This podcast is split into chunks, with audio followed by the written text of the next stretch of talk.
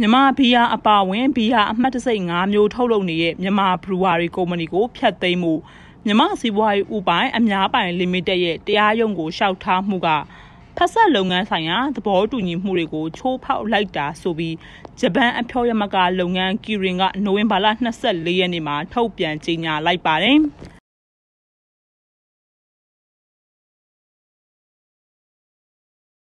အခုလိုမြမစီးပွားရေးဥပိုင်ကဖက်ဆက်လုပ်ငန်းတစ်ခုကိုဖျက်သိမ်းဖို့အတွက်တစ်ဖက်သက်လှုပ်ဆောင်တာကတရားမျှတတာမရှိပဲဖက်ဆက်လုပ်ငန်းတွေရဲ့သဘောတူညီမှုတွေကိုလည်းလစ်လူရှုခဲ့တာဖြစ်တယ်လို့ကီရင်ဘက်ကညှိနှိုင်းဆောင်တဲ့နေရာမှာလည်းအဆိုပြုထားချက်တွေကိုပယ်ချပြီးပူပေါင်းဆောင်တာမရှိခဲ့တာကိုလည်းကီရင်ကထုတ်ပြန်ချက်ထဲမှာဖော်ပြထားပါတယ်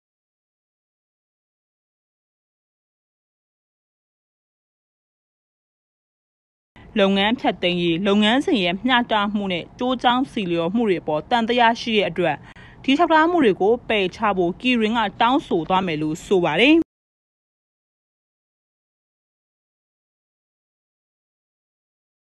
ဒါအပြင်ကီရင်ဟာဖက်ဆက်လုပ်ငန်းကိုရထားလိုက်တဲ့အခါမှာလဲမြမစီးပွားရေးလုပ်ငန်းတွေကိုဆက်လက်ထိန်းသိမ်းထားလိုတယ်ဆိုပြီးကီရင်ရဲ့ဥက္ကဋ္ဌနဲ့အမှုဆောင်အရာရှိချုပ်ဖြစ်တဲ့ ယိုရှိနိုရီအဆိုဇာကီကနီကီကိုပြောဆိုထားတာရှိပါတယ်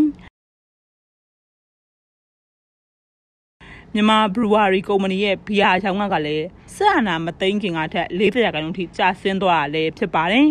ဒီပမာဏကတော့ဂျပန်ယန်ငွေ6.6ဘီလီယံနဲ့အမေရိကန်ဒေါ်လာ86.4သန်းထိရှိရာဖြစ်ပြီး ပုံမှန်လုပ်ငန်းလည်ပတ်မှုရဲ့အမြတ်အစွန်းကလည်း90ရာခိုင်နှုန်းအောက်ကိုကျဆင်းသွားတာဖြစ်တယ်လို့ကုမ္ပဏီရဲ့2021ခုနှစ်ဘဏ္ဍာနှစ်အတွက်ထုတ်ပြန်ထားတဲ့တတိယ3လပတ်ရလက်အစီရင်ခံစာမှာဖော်ပြထားတာဖြစ်ပါတယ်။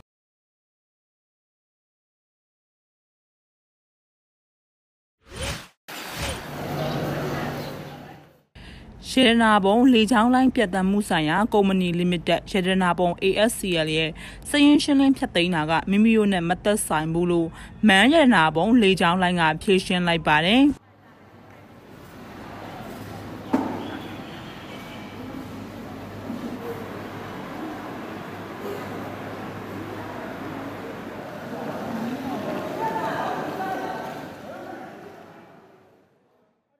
စစ်ကောင်စီရဲ့သတင်းစာမှာရဲဒနာပုံလှချောင်းလိုင်းပြန်တမ်းမှုဆိုင်ရာကုမ္ပဏီ limited ရဲဒနာပုံ ASCL အနေနဲ့မြန်မာနိုင်ငံကုမ္ပဏီများဥပဒေနဲ့လူမဲခံခြင်းဆိုင်ရာဥပဒေများအရကုမ္ပဏီရဲ့ဆန္ဒလျောက်စည်ရင်းရှင်းလင်းဖြတ်သိမ်းခြင်းနဲ့အကျွေးတွေတောင်းခံမှုတတိပေးတာကိုနိုဝင်ဘာလ26ရက်နေ့မှာကြေညာထားတာဖြစ်ပါတယ်။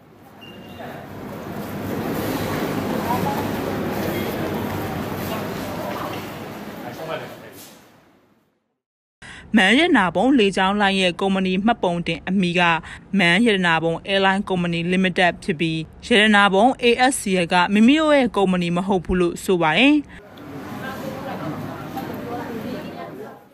မန်ရနာဘုံလေကြောင်းလိုင်းကလက်ရှိမှာခီးသွွားပြည်သူတွေတွာလာဖို့လွယ်ကူစေဖို့ဆိုပြီးပြည်တွင်းခီးစဉ်တွေကိုနေ့စဉ်ပြန်တမ်းပြေးဆွဲပေးနေရလို့ဆိုပါတယ်။မန်းရတနာပုံလေချောင်းလိုင်းက2014ခုနှစ်ဖေဖော်ဝါရီလမှာပြည်တွင်းခီးစဉ်တွေကိုစတင်ပြတ်တန်းခဲ့ရလဲဖြစ်ပါတယ်။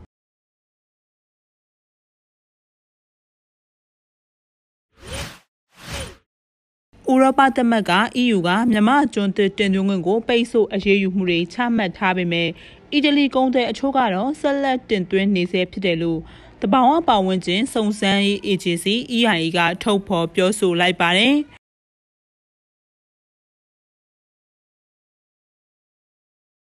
ယူရိုငွေ2တန်းကျော်တန်ကြေးရှိတဲ့ကျွန်းသစ်တန်ချိန်300ကျော်က အီတလီနိုင်ငံထဲကိုရောက်ရှိနေပြီးပြီးခဲ့တဲ့ဇွန်လထဲမှာပိတ်ဆို့အရေးယူမှုတွေပြုလုပ်ခဲ့ပေမဲ့လည်းမြန်မာကျွန်းသစ်တွေကဥရောပထဲကိုတင်သွင်းမှုတွေကစိုးရွားနေဆဲဖြစ်တယ်လို့ Super Yes News ကရေးသားထားတာဖြစ်ပါတယ်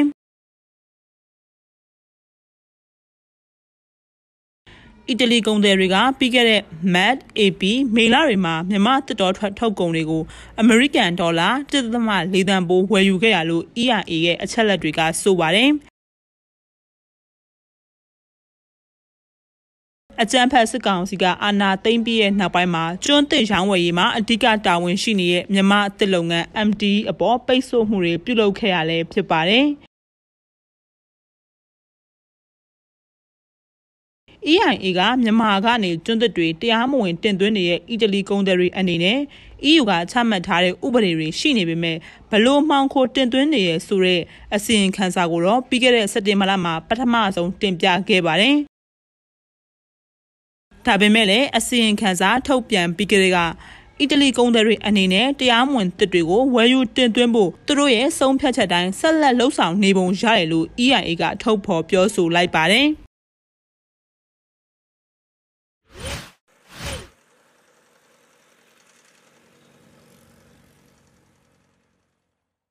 မြမလေယာထွက်ကုန်တွေရဲ့တင်ပို့မှုကနှစ်နှစ်စတိုက်တိုးတက်ခဲ့ပေမဲ့လည်းစစ်ကောင်စီအာဏာသိမ်းပြီးရဲ့နောက်ပိုင်းမှာတော့စတင်ရောကျလာရလို့စစ်ကောင်စီလက်အောက်ခံစီးပွားကူးတန်းကထုတ်ပြန်တဲ့အချက်လက်တွေကနေသိရပါတယ်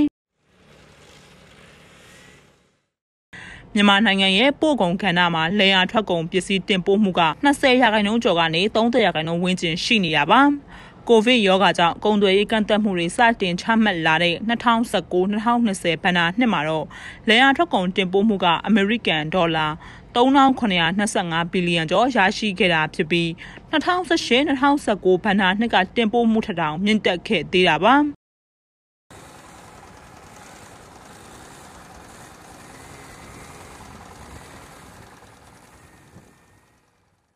ပြီးခဲ့တဲ့2020 2021ဘဏ္ဍာနှစ်မှာလည်းအမေရိကန်ဒေါ်လာ4622ဘီလီယံကျော်တင်ပို့နိုင်ခဲ့တာဖြစ်ပြီး24ရာခိုင်နှုန်းတင်ပို့မှုမြင့်တက်ခဲ့တာပါ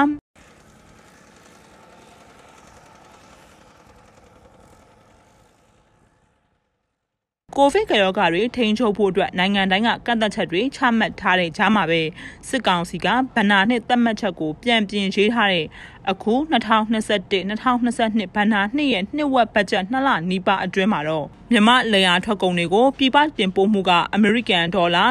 485တန်းကျော်ပဲရှိနေတာဖြစ်ပါတယ်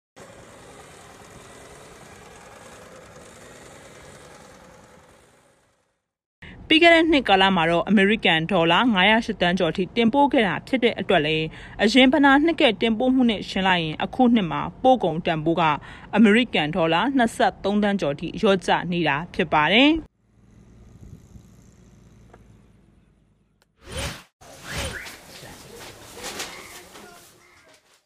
မန္တလေးပဲစိတ်ကွက်ထဲကိုပဲလွန်းဖြူတွေကနှစ်တိုင်းထက် အချိန်စောဝင်လာပြီးပြည်ရင်းဝက်လက်တွေကမနှစ်ကထက်ငွေကျပ်3000ကျော်ထိဈေးပိုပေးပြီးဝယ်ယူနေရလို့မန္တလေးပဲကုန်တယ်တွေရဲ့ပြောပြချက်ကနေသိရပါတယ်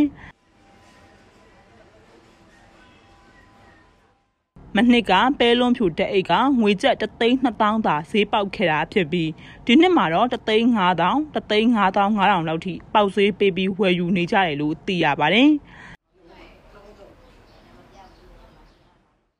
ဒီနှစ်မှာတော့ပဲလွန်းဖြူတွေကအချိန်တစ်ပတ်လောက်စောပြီးထွက်ရှိလာတဲ့အတွက်ပြည်တွင်တရုတ်ဝယ်လက်တွေကပါဝယ်ယူနေရကြောင်းလဲဈေးကောင်းရရှိနေတာဖြစ်ပါတယ်တရုတ်မြန်မာနယ်စပ်ကုန်သွယ်ရေးဂိတ်ကိုစမ်းသပ်ဖွင့်လှစ်ခဲ့တဲ့အတွက်လည်းပဲလွန်ဖြူကဈေးကောင်းရနေရလို့ကုန်သည်တွေကသုံးသပ်ပါတယ်။တရုတ်မြန်မာနယ်စပ်ဂိတ်ကိုတော့နိုဝင်ဘာလ26ရက်နေ့မှာစမ်းသပ်ဖွင့်လှစ်ခဲ့တာဖြစ်ပြီး တရုတ်ဝယ်လက်တွေကလည်းအစင်သစ်ရှိနေတဲ့အတွက်ပဲလွန်ဖြူတွေကရောင်းအားကောင်းနေရလို့သိရပါတယ်။